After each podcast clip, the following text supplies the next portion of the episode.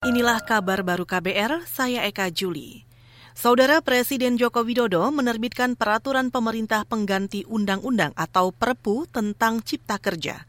Perpu ini merupakan tindak lanjut dari putusan Mahkamah Konstitusi atau MK yang sebelumnya memutus Undang-Undang Cipta Kerja inkonstitusional bersyarat.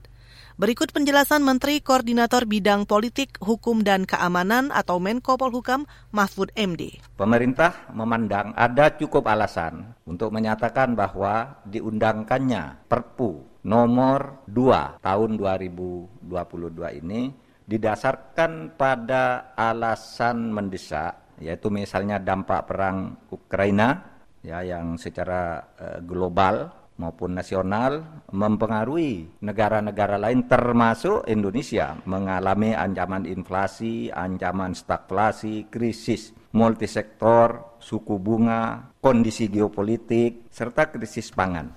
Menko Polhukam Mahfud MD juga mengklaim pemerintah harus mengambil langkah strategis yang cepat Sebab jika menunggu berakhirnya tenggat MK akhir tahun depan, pemerintah akan ketinggalan untuk mengantisipasi dan menyelamatkan situasi ini. Sementara itu, Menko Perekonomian Airlangga Hartarto menyebut putusan MK itu sudah memengaruhi dunia usaha, sehingga Perpu Cipta Kerja ini diharapkan bisa memberi kepastian hukum bagi pelaku usaha dan investor.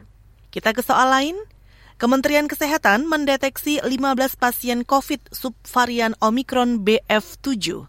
Belasan kasus itu berasal dari importasi dan transmisi lokal. Melansir antara, juru bicara Kementerian Kesehatan Siti Nardia Tarmizi mengatakan, sembilan kasus berasal dari penularan dalam negeri, sisanya dari pelaku perjalanan luar negeri. Belasan kasus itu dilaporkan di Jakarta, Jawa Barat, dan Bali.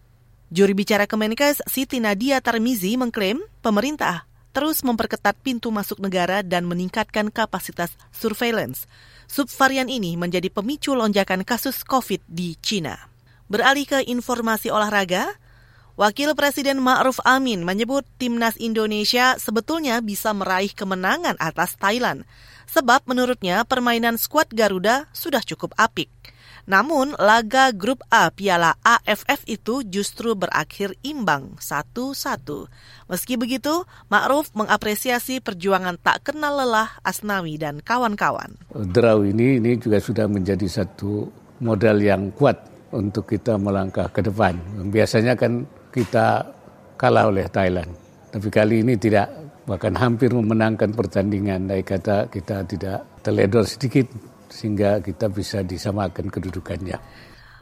Wakil Presiden Ma'ruf Amin juga meminta para pemain Indonesia berusaha lebih keras lagi.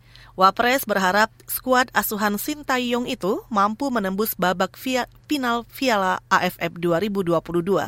Indonesia berada di urutan kedua klasmen sementara, kalah selisih gol dari peringkat pertama Thailand.